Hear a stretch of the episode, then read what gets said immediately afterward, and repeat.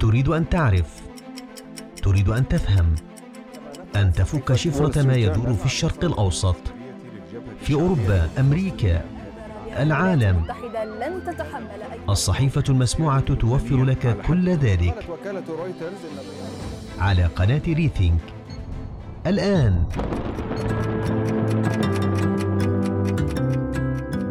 تحية لكم من الصحيفة المسموعة. معكم نوزة الصواش في حلقة اليوم تستمعون إلى مجموعة من أفضل مقالات الرأي المنشورة في الصحافة العربية والعالمية والتي تساعدكم على فهم ما يدور في العالم من أحداث وتطورات بعمق ووضوح.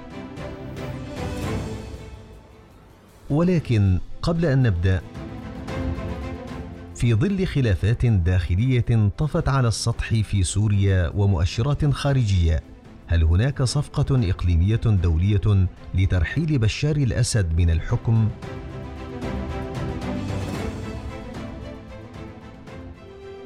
هناك تغييرات جذرية في النظام العالمي ما بعد كورونا فهل يمكن للعالم العربي أن يكون لاعبا قويا في هذا النظام القادم؟ وكيف؟ هل ساهمت إيران بانتشار فيروس كورونا في دول الشرق الأوسط؟ ما تأثير جائحة كورونا على العالم العربي على المستوى الاقتصادي والاجتماعي؟ هل هناك دراسات ملموسة في الموضوع؟ هذه وأمثالها من التساؤلات تجدون إجابات لها في المقالات التي سنقرأها عليكم اليوم. فلنبدأ المشوار.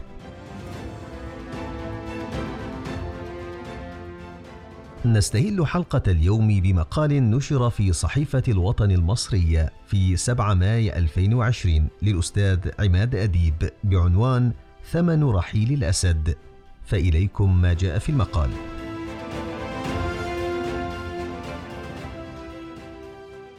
هناك تحركات جدية لصفقة إقليمية دولية يجري الاتفاق على تفاصيلها. هدفها سوريا وضحيتها المنتظرة هي الرئيس بشار الأسد.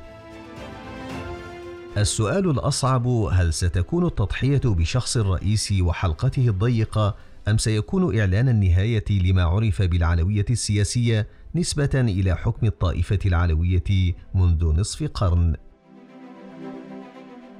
بقاء الرئيس في سوريا أو رحيله يحتاج إلى موافقة الضامنين الأساسيين إيران روسيا وإسرائيل. نظام الحكم في سوريا كان يخص مصالح هذه القوى الثلاث بأشكال متفاوتة.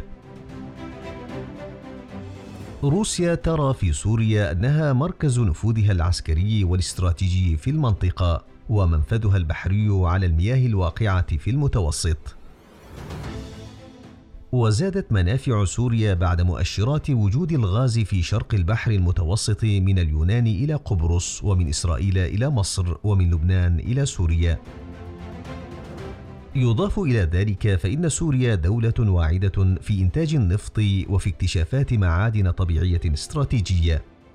ووجدت روسيا أن دورها الاستراتيجي في سوريا أعطاها اوراقا رابحة في علاقاتها بإسرائيل وتركيا وإيران والعراق والولايات المتحدة بنسب متفاوتة ولأسباب ودواع مختلفة في كل حال.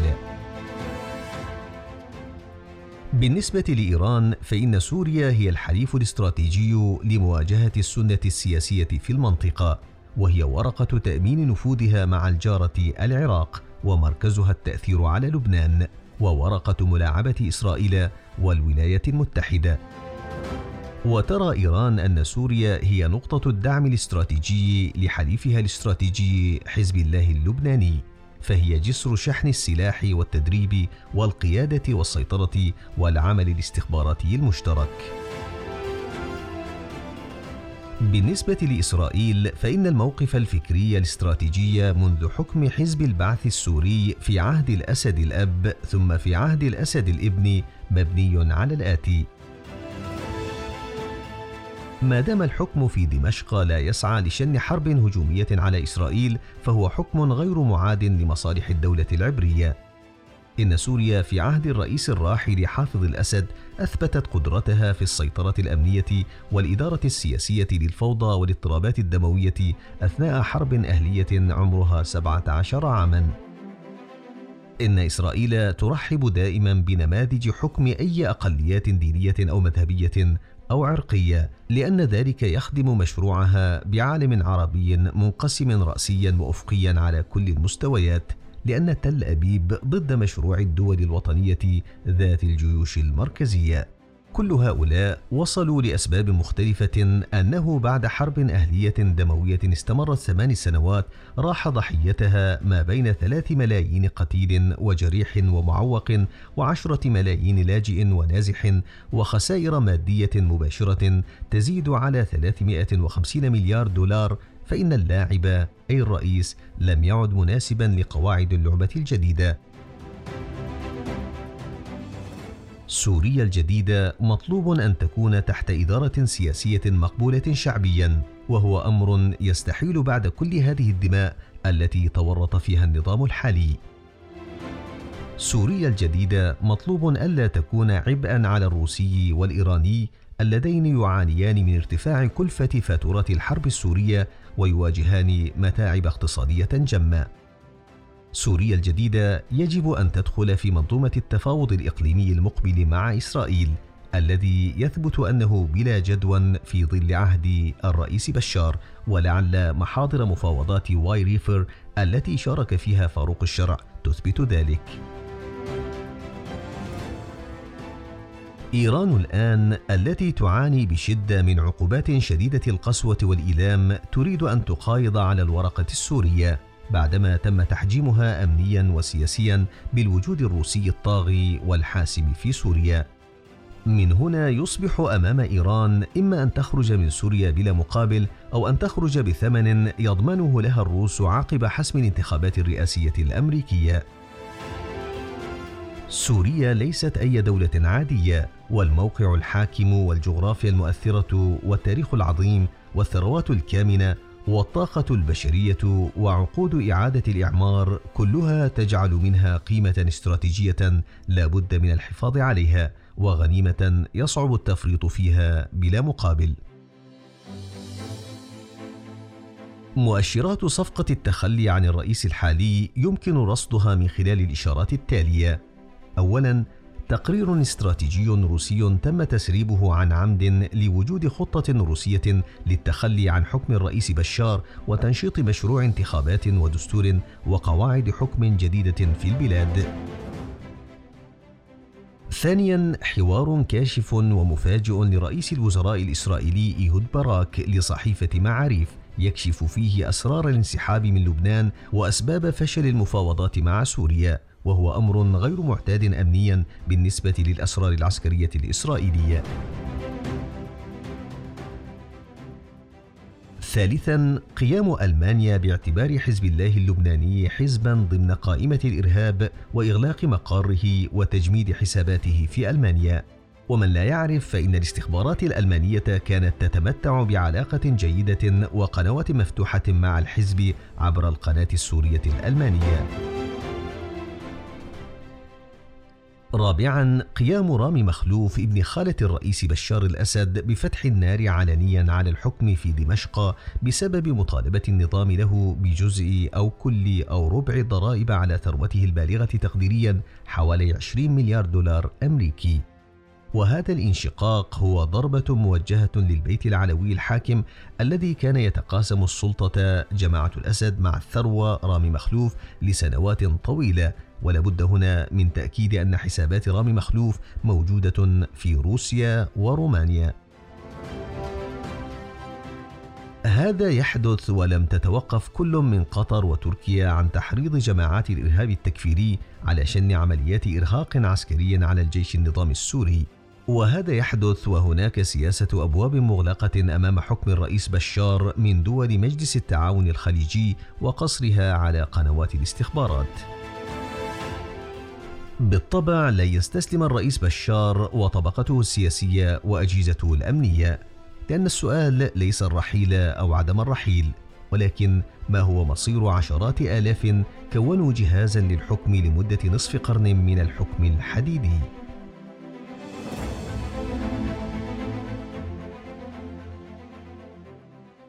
نواصل حلقة اليوم بمقال نشر في موقع العين الإخبارية في 7 ماي 2020 للدكتور طارق فهمي بعنوان خيارات العرب المستقبلية بعد أزمة كورونا.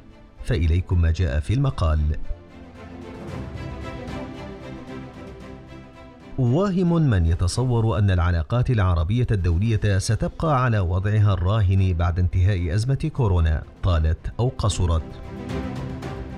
وهو ما يجب الاستعداد له جيدا من الآن سواء على مستوى الجامعة العربية أو على مستوى العلاقات العربية العربية من جانب والعربية الدولية من جانب آخر خاصة أن شبكة التحالفات العربية الكبرى والتقليدية على المستوى العربي ستتغير بفعل التوقع بحرص الدول الكبرى وعلى رأسها الولايات المتحدة الأمريكية ودول الاتحاد الأوروبي والصين وروسيا على مراجعة مجمل سياستها بصرف النظر عن استمرار بعض هذه الدول في اتباع سياسات مكررة في الدعم والتواصل وتقديم المساعدات والمنح لمواجهة تداعيات أزمة كورونا. فبعض الدول قدمت مساعدات دولية عديدة استباقا لمطلب أمريكي طرح مؤخرا بضرورة أن تدفع الصين تعويضات دولية كبيرة للعالم وبالطبع للولايات المتحدة جراء ما جرى وهو ما ستطرحه دول أخرى لن تقتصر على ألمانيا وفرنسا فقط بل سيمتد لدول أخرى كبيرة وصغيرة على حد سواء وفي ظل تطبيق نظرية الإيقاع بالضرر. ستتجه الولايات المتحدة لبناء تحالفات أكثر واقعية وبراغماتية وفقا لمعادلة الرئيس الأمريكي النفقة والتكلفة والعائد وهو ما سيدفعه للبحث عن ثمن التحالف العربي مع إدارته.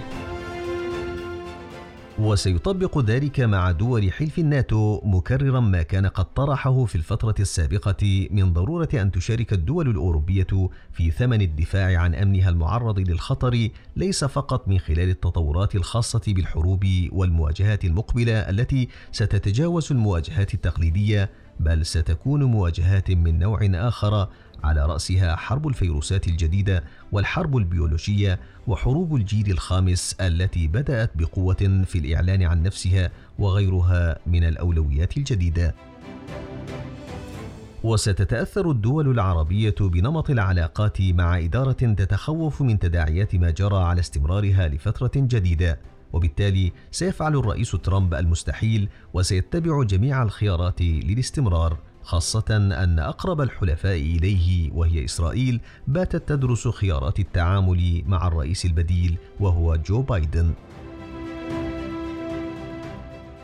ولهذا على الدول العربية إعادة ترتيب حساباتها وتقييماتها السياسية والاستراتيجية مع تنويع التحالفات والاتجاه إلى تأطير علاقاتها مع دول الاتحاد الأوروبي وروسيا بل القوى الصاعدة بقوة في النظام الدولي وعلى رأسها الصين والهند واليابان ودول البريكسيت. كما ينطبق الأمر على الجامعة العربية التي من المفترض أن تعيد ترتيب جدول أعمالها وإلا فإنها ستبقى أسيرة مرحلة محددة خاصة أن قمتها الدورية لم تنعقد ورحلت مبدئيا إلى شهر يونيو المقبل بناء على ما جرى بين الأمانة العامة والجزائر. وبالتالي ستخسر الدول العربية موقعها في المنظومة الدولية ما لم تغير رؤيتها ومعطياتها السياسية والاستراتيجية في ظل التوقع بأن آليات التعاملات الدولية ستتغير بصرف النظر عن الحرص الأمريكي على بقاء مؤسسات التمويل الكبرى تؤدي دورها لإنقاذ اقتصاديات بعض الدول من جراء أزمة كورونا. وهو ما فعله صندوق النقد الدولي وهرع إلى تقديم مساعداته بدون دراسات أو بحوث مسبقة. تملك الدول العربية في مجموعها فرصة ذهبية للعب دور حقيقي وفاعل في منظومة إقليمية ودولية معقدة. ورغم كل تحالفاتها الراهنة التي ترى بعض هذه الدول أنه من الصعوبة الخروج منها إلا أن المقدرات العربية الكبيرة بمقدورها أن تلعب دورا حقيقيا في هذا الإطار إن توافرت الإرادة السياسية وتوحدت الرؤى بين الدول العربية المركزية مع التأكيد الدائم والمستمر أن المصالح المشتركة والفوائد المتبادلة يجب أن تكون مدخلا لهذا التحرك الحقيقي. كما أن الدول العربية مطالبة بتصحيح مسارات علاقاتها الخارجية من أجل استثمار تأثيرها الكبير والفاعل في القضايا الدولية إضافة للقضايا العربية التي لم تحسم بعد وتحتاج إلى تسويات حقيقية وليست تسويات منقوصة وفقا لسياسات جزئية. القضية ليست هبوط أسعار نفط أو مضاربات دولية أو تدني الوضع في البورصات العالمية والتخوف من حالة كساد عالمي. وإنما الأمر مرتبط بتصحيح مسار نظام دولي ظل نظاما أعرج لسنوات طويلة سواء فيما يجري في مجلس الأمن وخارجه أو في هيمنة الدول الكبرى على إدارة الثروات العالمية بما فيها الاستثمارات العربية التي ذهب بعضها في مجالات ومسارات عدة ولصالح اقتصادات الدول الكبرى. يمكن للدول العربية أن تقول لا عمليا وليس نظريا في مواجهة ما يجري ويخطط له من الآن، والمهم أن تتوافر القناعة العربية بأننا لاعب قوي وفاعل في النظام الدولي القادم.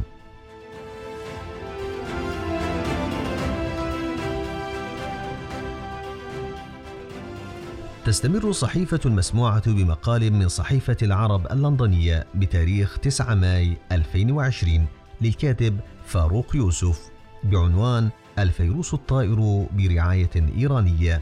فإليكم ما جاء في المقال.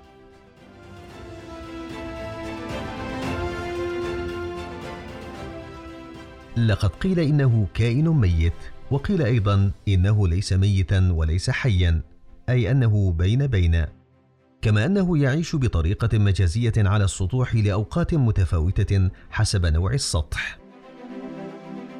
تلك نظرية فرضت على البشر استعمال القفازات والمواظبه على غسل اليدين غير أن هناك نظرية أخرى تقول إنه ينتقل عن طريق الهواء فقط وهو ما يعني أن الاقتراب من شخص مصاب هو وحده ما يشكل خطرا. تلك نظرية تحث على استعمال الكمامات.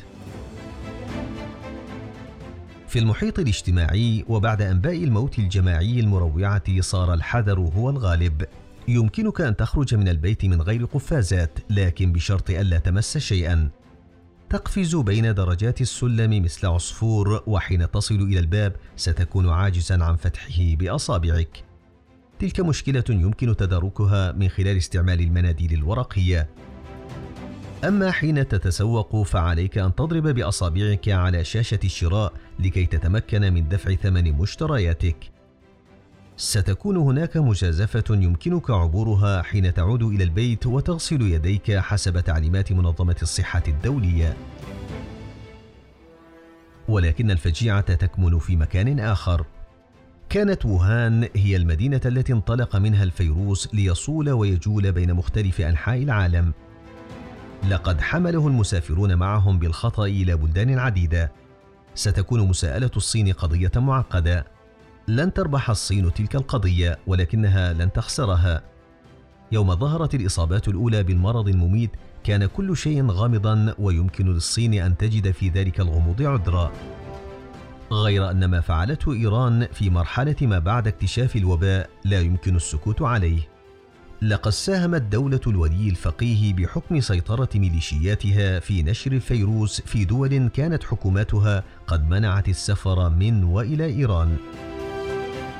قامت شركة طيران ماهان وهي واحدة من شركات الحرس الإيراني المشمولة بالعقوبات الأمريكية بنقل الفيروس إلى العراق ولبنان وسوريا ودولة الإمارات من خلال رحلات عديدة في الوقت الذي كانت فيه الحكومات في تلك الدول قد أغلقت الحدود الجوية مع إيران. ذلك ما يجب البحث عن أسبابه. كان الفيروس يسافر إذا في سياق سياسة إيرانية مخترقا حدود دول وقعت ضحية للاستقواء الإيراني، غير أن ما يصعب القبول به أو تصديقه أن شركة ماهان قد سيرت رحلات عديدة من إيران إلى دولة الإمارات. ما هو مؤكد أن طائرات تلك الشركة قد حطت مرات عديدة في مطاري النجف ورفيق الحريري وهي تحمل الفيروس من غير أن يكون مسموحا للسلطات الصحية بأن توقفه لكي تتمكن من احتوائه. ما فعلته إيران لا يقل عما فعلته الصين على مستوى خدمة انتشار الفيروس.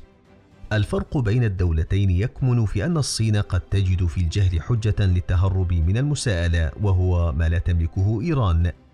فالأخيرة قامت بنشر الفيروس في كل بلدان الشرق الأوسط والخليج العربي عن قصد مسبق. لقد أصرت إيران على نقل مرضى مصابين بالفيروس اللعين إلى العراق طمعا في الشفاء بتقربهم من الأضرعة الدينية أو أن يقع موتهم على الأراضي المقدسة بالنسبة لهم. وهو ما أدى إلى أن تكون النجف واحدة من أكثر المدن العراقية تعرضا لهجمات الفيروس. أما في لبنان فقد كان الفيروس الإيراني يهبط برعاية حزب الله وهو ما حدث في سوريا واليمن. جريمة إيران تكمن في أنها لم تتستر على الفيروس مثلما تؤكد التهمة الموجهة إلى الصين، بل إنها قامت بدور الموزع للوباء بأسلوب الدليفري، وهو ما يعني أنها كانت تعرف ما الذي تنقله إلى زبائنها الذين قدر لهم أن يقعوا تحت هيمنة ميليشياتها المسلحة. ونختم حلقة اليوم بمقال نشر في صحيفة الشرق الأوسط في 9 ماي 2020 للأستاذ محمد الرميحي بعنوان العرب ومتزامنة ما بعد الصدمة فإليكم ما جاء في المقال يمر بعد أشهر عقد من السنين على اندلاع الحراك الشعبي العربي في عدد من العواصم العربية والذي سماه البعض الربيع العربي. وكان السبب المباشر لذلك الحراك صفعة وجهت لأحد الباعة المتجولين في ديسمبر 2010 في مدينة سيدي بوزيد التونسية. اعتبرها إهانة وظلما فادحا فجرت القهر الذي يشعر به وأمثاله فأحرق نفسه. تؤكد لنا الأحداث التاريخية تأثير العوارض الصغيرة والهامشية لتكوين الأحداث العظمى في العالم. وقد يعجب البعض أن احداثا صغيرة في التاريخ الإنساني غيرت الكثير وهي قاعدة من سنن التاريخ لا تغيير لها. فأصبح الحراك التونسي الذي أشعله ذلك الفتيل نموذجا طاف بمصر وليبيا واليمن وسوريا حتى الجزائر ودول عربية كثيرة بأشكال مختلفة.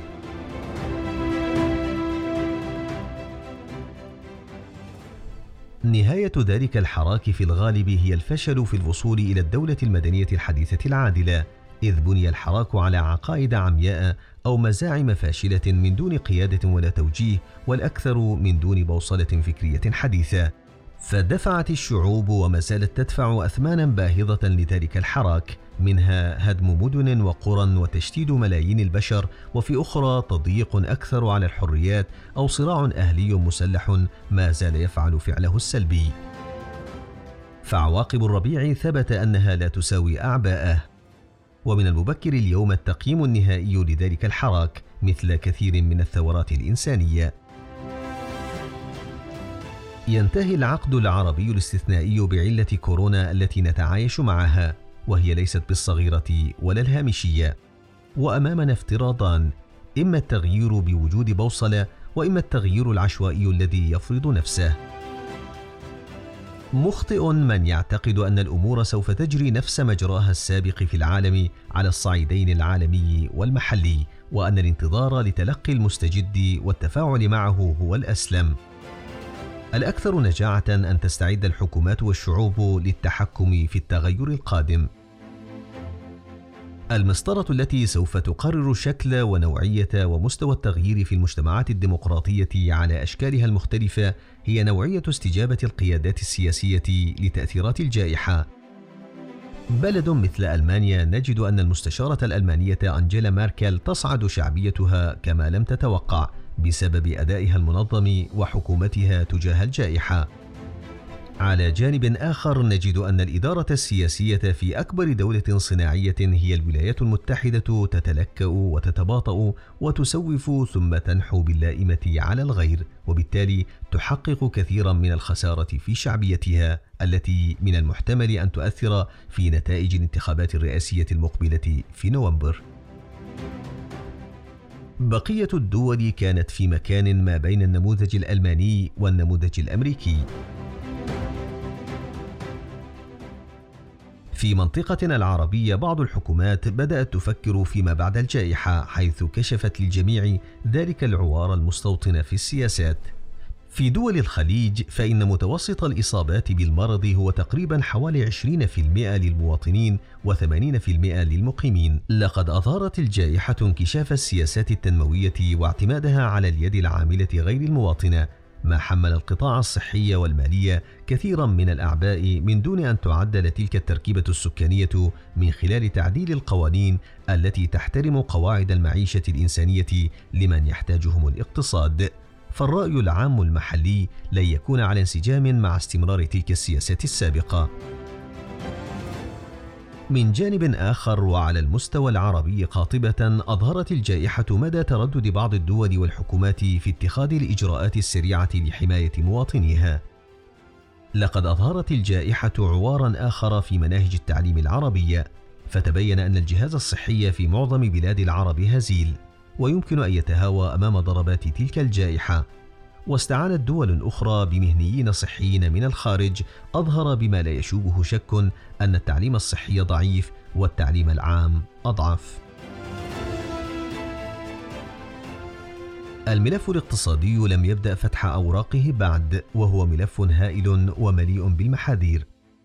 فالعالم على حافة كساد ضخم لقد خسر الاقتصاد العالمي ما بين 9 إلى 12 تريليون دولار حتى الأسبوع الأول من شهر مايو الحالي حسب التقارير الدولية وقامت الدول بالاستدانة بأرقام هائلة. وخسر سوق العمل كما تقول منظمة العمل الدولية مليونا ونصف مليون وظيفة وأصبح ملايين من العاملين عاطلين.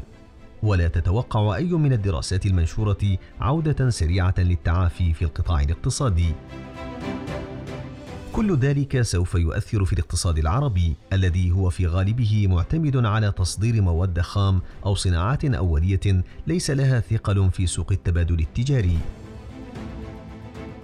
التقارير الدولية المنشورة تتحدث عن تراجع الناتج المحلي الإجمالي للدول العربية بما يقارب 50 مليار دولار وكذلك خسارة مليوني وظيفة على أقل تقدير.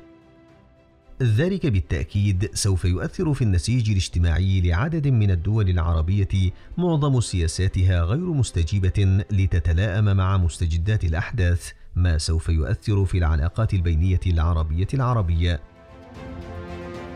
والملاحظ أنه لا يوجد حراك لدراسة وتوقع تأثير الجائحة اقتصاديا واجتماعيا على المستوى العربي الجماعي من أي من المؤسسات التي تهتم بهذه الموضوعات. حتى المؤسسات المدنية. والمطلوب هو العكوف على دراسة ملفات متزامنة ما بعد الصدمة التي سوف تظهر على سطح المجتمع العربي وإهمالها قد يكون له تأثير أضخم من صفعة البوعزيزي.